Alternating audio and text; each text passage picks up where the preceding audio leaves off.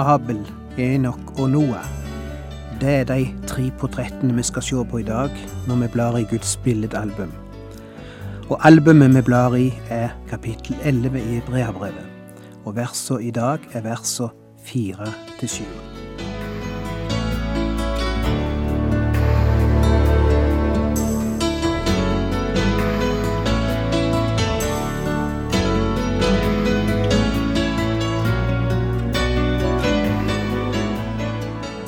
Hjertelig velkommen til et nytt program i serien Vindu mot livet.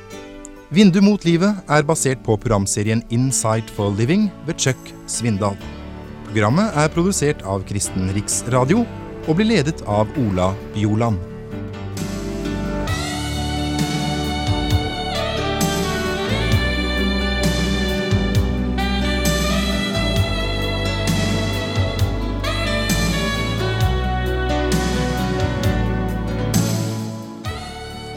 Er i kapittel 11 i Hebreabrevet, og i dag skal vi se på tre enkle og alminnelige mennesker som likevel har fått sine navn oppskrevet i Guds minnebok. Ikke fordi de var helgener, men fordi de hadde ei tru som skilte de ut ifra andre. Eller sagt med andre ord, fordi de gjorde noe så enkelt som å stole på Gud og gjøre det han sa. Et barn kan gjøre det. Litt vanskeligere ser det ut for å være for mange voksne. Men noen voksne har lært å tro som barn. Og vi skal bla i minneboka i dag, og i flere program framover, og møte noen slike. Først sauegjeteren Abel, så predikanten Enok, og til slutt båtbyggeren Noah. Vi begynner i vers fire her i Hebreane 11. I tro bar Abel fram for Gud et bedre offer enn Kain. Fordi han trodde, fikk han det vitnesbyrd at han var rettferdig. For Gud godkjente hans offergaver. Og med sin tro taler han ennå etter sin død. Sauegjeteren Abel er den første vi møter, altså. Kanskje noen lurer på hvem i all verden var denne Abel? Og hvem var denne Kain som også nevnes her? Dette var for lenge, lenge siden. Det var ingen trafikkerte motorveier den gangen, eller støyende trafikk. Det var ingen forurensende røyk ifra høge fabrikkpiper. Det var ingen travle byer. Det var ingen støy fra naboer som holdt fest en lørdagskveld. Ganske enkelt fordi det var ingen naboer. Det var bare denne enkle familien som levde rundt der den gangen. Adam og Eva hadde disse to sønnene. Den eldste het Kain, og den yngste Abel. Kain var jordbruker, kan vi lese i første Mosebok fire. Abel var sauegjeter. Et enkelt liv levde de. Og Gud hadde sagt til disse brødrene, det er en måte å komme til meg på, og det er gjennom blod. Hvis de vil ha tak i meg, hvis de vil ha meg i tale, så må det komme med et offer, og det må være av et dyr. Slik må det være. For slik skal menneskesonen en gang ofres, og inntil den dagen skal mennesket læres opp i at kun blod kan rense ifra synd. Jeg siterer ikke fra Bibelen nå, men det var et prinsipp som Gud la ned hjå menneska ifra tidenes morgen, og det går som en rød tråd gjennom hele Det gamle testamentet. Og Abel gjorde som Gud hadde sagt. Han ofra et dyr. Han ofra blod. Og Gud godtok hans offer. Men ikke Kain. Kain plukka noen aks ifra ågeren. Antagelig noen av de fineste aks han kunne finne, og putta de i korga, og noen grønnsaker kanskje, og noen frukt som han hadde dyrka. Han mente det virkelig alvorlig. Han tenkte at Gud nok ville ta imot hans offer like mye som Abel sitt sjøl om han ikke ofra noe dyr. Det kunne vel ikke spille så stor rolle hva en ofra, bare en gjorde det, og bare en gjorde det med andakt og med alvor og med en god vilje. For det Gud ser etter, er alvor. Nei, det er ikke det han ser etter. Det er der så mange mennesker tar feil. Vet du hva Gud ser etter? Han ser etter lydighet. Han ser etter mennesker som gjør det de har fått beskjed om. Vel, tenker Kain, Gud må vel forstå at jeg ofrer av det jeg har, like fullt som Abel ofrer av det han har. Og jeg gjør det med like stort alvor som han, og har slitt like mye for min avling som han er for sin, og det er et like stort offer for meg å ta av min avling som det er for han å gi et skarvelam. Men Gud avviste Kains offer. Hvorfor godtar Gud Abel, men ikke Kain? Fordi Abel gjorde det på Guds måte, mens Kain gjorde det på sin egen måte. Det er forskjellen. Au Kain ofra med det største alvor, men det ble ikke gjort på Guds måte. Og det skjer om igjen og om igjen den dag i dag. Folk som tror at bare de tar det alvorlig nok, bare du tar trua alvorlig nok og gjør det beste du kan, så vil Gud godkjenne deg. Du tar feil, for Gud ser ikke etter hvor alvorlig du tar det, hvor mye du ofrer, hvor mye du gjør. Han ser etter én ting lydighet. Han ser etter mennesker som gjør det han sier og ikke en masse ting som han aldri bedt oss om å gjøre. Og tru er å være lydig mot Gud. Og Gud har sagt, vil du komme til meg, så må du komme gjennom blod. Og det blodet som vi må komme gjennom i dag, er Jesu blod. Det er det blodet som flaut og Jesus døde for oss på Golgata. Det er det offer Gud godtar, og det er det eneste. Det har Gud brukt tusen av år å lære oss. Og ennå er det så mange mennesker som ikke er lært som prøver seg på andre måter. Tru er å komme gjennom Jesus. Tru er å ta imot Han, komme til Gud ved Han. Så enkelt er det, og likevel så vanskelig. Så møter vi nestemann på lista, vers fem. For sin tros skyld ble Enok rykket bort uten å dø. Ingen så ham mer, for Gud hadde tatt ham til seg. Før han ble rykket bort, fikk han det vitnesbyrd at han behaget Gud. Hva var det som gjorde Enok så spesiell? Det står litt om han i den nest siste boka i Bibelen. Der står det at han var predikant. Han profeterte, står der. Det vil si, han forkynte et spesielt budskap for folket. Han forkynte dom. Det var ei forferdelig tid han levde på, tida før den såkalte syndfloa, der mennesket oppførte seg som dyr. Og midt i denne ondskap og umoral sto Enok fram og forkynte Guds sannhet for folket. Det var den offentlige sida ved livet hans. Men livet har òg ei privat side, og Enok gjorde det han gjorde offentlig på grunn av det som hendte med han privat. Han forkynte Guds ord til et folk som ikke yngste å høre Guds ord. Det skal mot til å gjøre noe slikt, eller rettere sagt, det skal tru til det. Det er ikke mange av oss som ville vært villige til å gå ut på gata og rope ut Guds ord til mennesker som overhodet ikke er interessert i å høre hva Gud mener om dem. Men det gjorde jeg nok.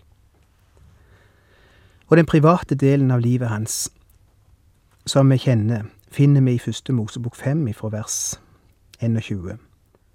Da Enok var 65 år, fikk han sønnen Metusela. Enok vandret med Gud i 300 år etter at han hadde fått Metusela, og han fikk sønner og døtre. Hele Enoks levetid ble 365 år. Enok vandret med Gud. Så ble han borte, for Gud tok ham til seg. Og det er alt vi vet om han. Det er ikke lange biografien. Men denne mannen har altså fått sin plass i Guds stjernegalleri, det vil si i Guds album over mennesker som utmerker seg ved sin tru, her i Hebreerne 11. Et enkelt og alminnelig liv ser det ut for. Men hvis jeg forstår disse to versene rett, så kan det se ut som om Enok opplevde en omvendelse etter at han hadde fått sitt første barn. Det står at han vandra med Gud de 300 år etter at han hadde fått Metusjala.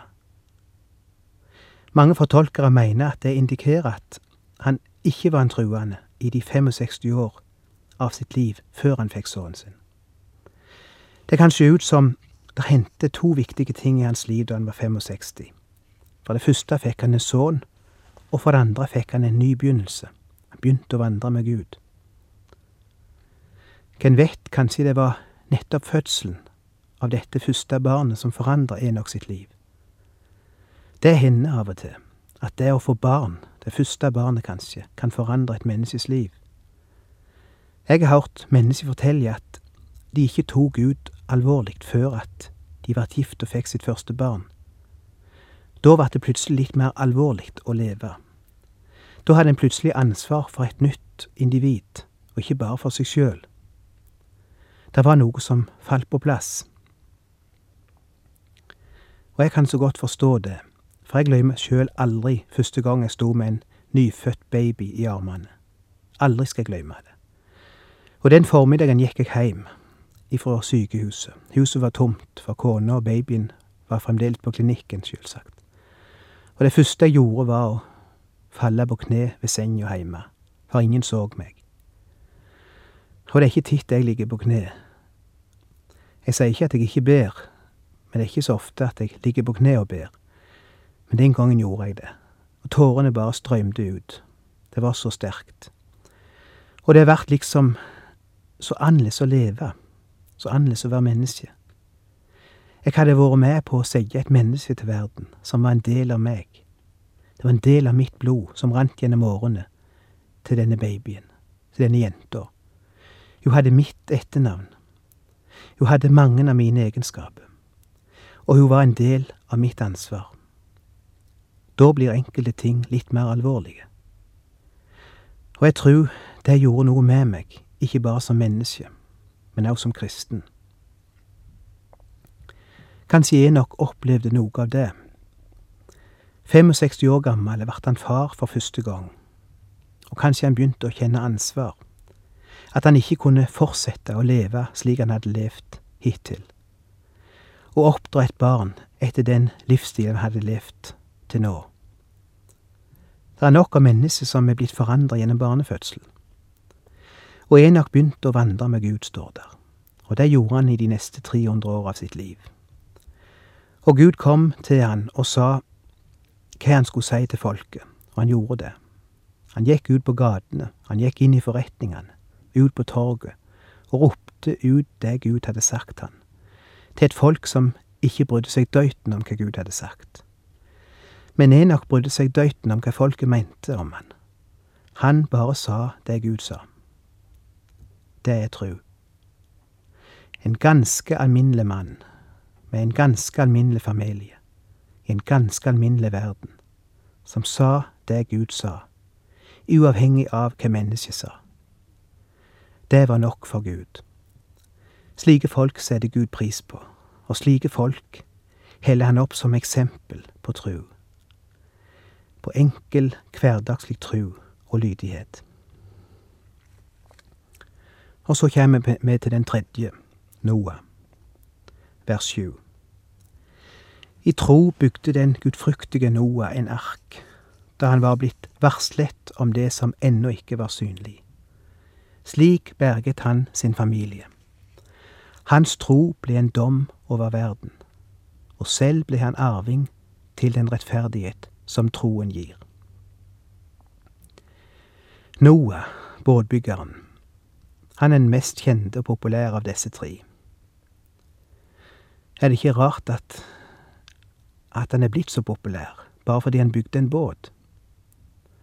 Å bygge båter er jo ikke noe uvanlig, iallfall ikke i vår tid, og slett ikke på en plass som den jeg bor på, der det bare er noen minutt til sjøen. Men Noah bodde over 30 mil ifra nærmeste sjø, og han bygde en båt som var tusen ganger større enn han hadde bruk for til seg og sin familie og han bygde båten i et land som omtrent ikke visste hva reggen var. Gud sa til Noah, jeg kommer til å sende en stor flaum over jorda, og jeg har et prosjekt, stort prosjekt for deg i den forbindelse. Du skal bygge en stor båt. Og mens alle rundt han lot seg skakke, sto Noah og bygde på båten der ute i ørkenen. Og hvem av oss har ikke smilt eller lett når vi ser for oss Noah som står der og hamrer? Vi kan ikke slå opp og lese hele den historien i Første Mosebok, for den går over flere kapittel. Men det står der i Første Mosebok 9 at Noah vart 950 år. De vart visst så gamle på den tida. Enten året var kortere da, eller det var noe annet som gjorde det, det vet jeg ikke. Iallfall står det at han vart 950 år i alt. Og det står at han levde i 350 år etter den store flommen. Så da flommen kom, må han ha vært 600 år. Da må han ha vært 480 år, den gangen Gud ga ham beskjed om å begynne å bygge. For det står at det gikk 120 år ifra beskjeden ble gitt til flaumen kom. Klarer du å følge med? 600 minus 120 er 480. Hva som er så viktig med det? Ja, nå skal du høre. I første Mosebok 532 står det at Noah var 500 år da han fikk sin første sønn. Men han begynte å bygge arka allerede da han var 480 år, altså 20 år tidligere. Og Gud sier at han skal bygge en båt som skal berge han og familien hans. Og han begynner å bygge båten, ennå han ikke har noen familie. Da, utenom kona. Han har ingen barn. Og likevel begynner han å bygge en båt som blant annet skal gi rom for barna hans. Det går ennå 20 år av hans lange liv og lange ventetid før han får det første barnet. Og da er han alt i full gang med bygginga og med barnerommet. Og jeg holdt på i 20 år. Ser du hva dette er? Det er tru. Det er å stole på Gud. Å, det er så mye her. Det er en slik utrolig historie at jeg ble aldri ferdig med den. 18 000 tonn tremateriale ble levert i gardsrommet hans en dag. 18 000 tonn materiale tippa rett i hagen hans. Og han får tak i en hammer og antagelig ei øskje med trenagler og begynner å spikre. Kan du sjå det for deg? Kan du forestille deg å være nabo til en mann som har liggende 18 000 tømmer, tonn tømmer framfor huset, og han begynner å bygge en båt som er omtrent to fotballbaner lang og en fotballbane brei, fire etasjer høyt. Det fins bøker der de har regna ut nokså nøyaktig hva slags dimensjoner det dreide seg om, men jeg skal ikke trøtte dere med det. Og hvis de hadde hatt antikvitetshandlere på den tida, så ville de stande i kø framfor en slik gjenstand. Den var jo blitt en antikvitet allerede før den var tatt i bruk. Tenk på det. Når den siste delen var utført av båten, da var den første delen allerede over 100 år gammel og har blitt antikvarisk. Hva er det du driver på med? Jeg bygger en båt. For hvem? for meg sjøl og barna mine. Men du har jo ikke noen barn, Noah. Gud har sagt at jeg skal bygge en båt for meg og barna mine, og det er det jeg gjør. Men hvorfor bygger du den så store? Alt jeg vet, er at Gud har tegna den, og gitt meg tegningene, og jeg gjør bare det han har bedt meg om. Hvordan kunne en intelligent og erfaren og livsnær mann som Noah ta på seg et slikt eventyrprosjekt. Fordi han hadde tru, sier Bibelen. Fordi han hadde respekt for Gud. Det Gud sa, betydde mer for han enn mennesket som lo og mobba og rista på hodet. Og hvis du tror det var noe spesielt ved Noah, bortsett ifra denne tru og tillit til Gud som det står om her, hvis du tror det var så voldsomt mye ved Noah ellers, annet enn at han var et alminnelig menneske som du og jeg, så skal du bare lese hele historien hans. Der er det litt av hvert. Noe av det er så rett på sak at jeg ville kvitt meg for å lese det høyt her på radio. Men Guds ord legger ikke skjul på noen side ved noe. Han var ingen helgen. Han var en ganske alminnelig mann, med synd og fall og det hele, som trodde på Gud, stolte på Gud og gjorde det Gud sa. Da statsmannen Oliver Cromwell skulle portretteres eller males, sette han opp noen klare betingelser på forhånd. Han sa, Jeg vil jo at du skal male meg akkurat slik jeg er, og ikke prøve å smigre meg med å gjøre meg finere enn virkeligheten. Jeg vil at du skal få fram hver rynke, hver kvese, hver vorte, hver skramme. Alt skal være som i virkeligheten. Hvis det ikke blir slik, betaler jeg deg ikke et øre for arbeidet.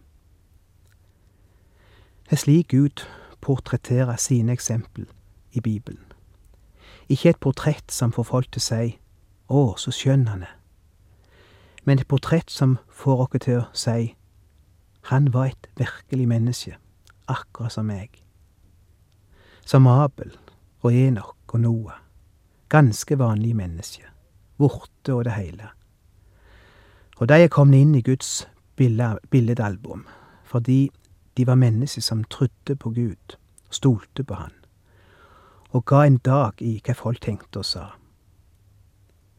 Derfor er de i Guds minnebok. Og det er det jeg liker så godt ved disse portrettene. De er så sanne. For da er det håp for meg òg, med vorte og skramme og feil. Og for deg.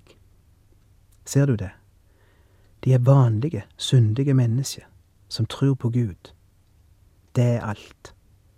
Som gjør ting slik Gud vil, og som stoler på Han. To spørsmål til slutt. For det første, hvis tru blei diskutert i ditt nabolag, eller på din arbeidsplass, ville ditt navn bli nevnt da? Og spørsmål nummer to, hvis Hebreabrev 11 skulle oppdateres, at Gud skulle oppdatere dette kapitlet og sette inn noen nye navn. Sette inn alle de navn som er kommet til siden. Ville ditt navn komme på den lista da? Ville du være på den lista over mennesker som tror på Gud mer enn på mennesket? Som lyer Gud mer enn mennesket? Som bryr deg mer om hva Gud har sagt, enn hva mennesket sier?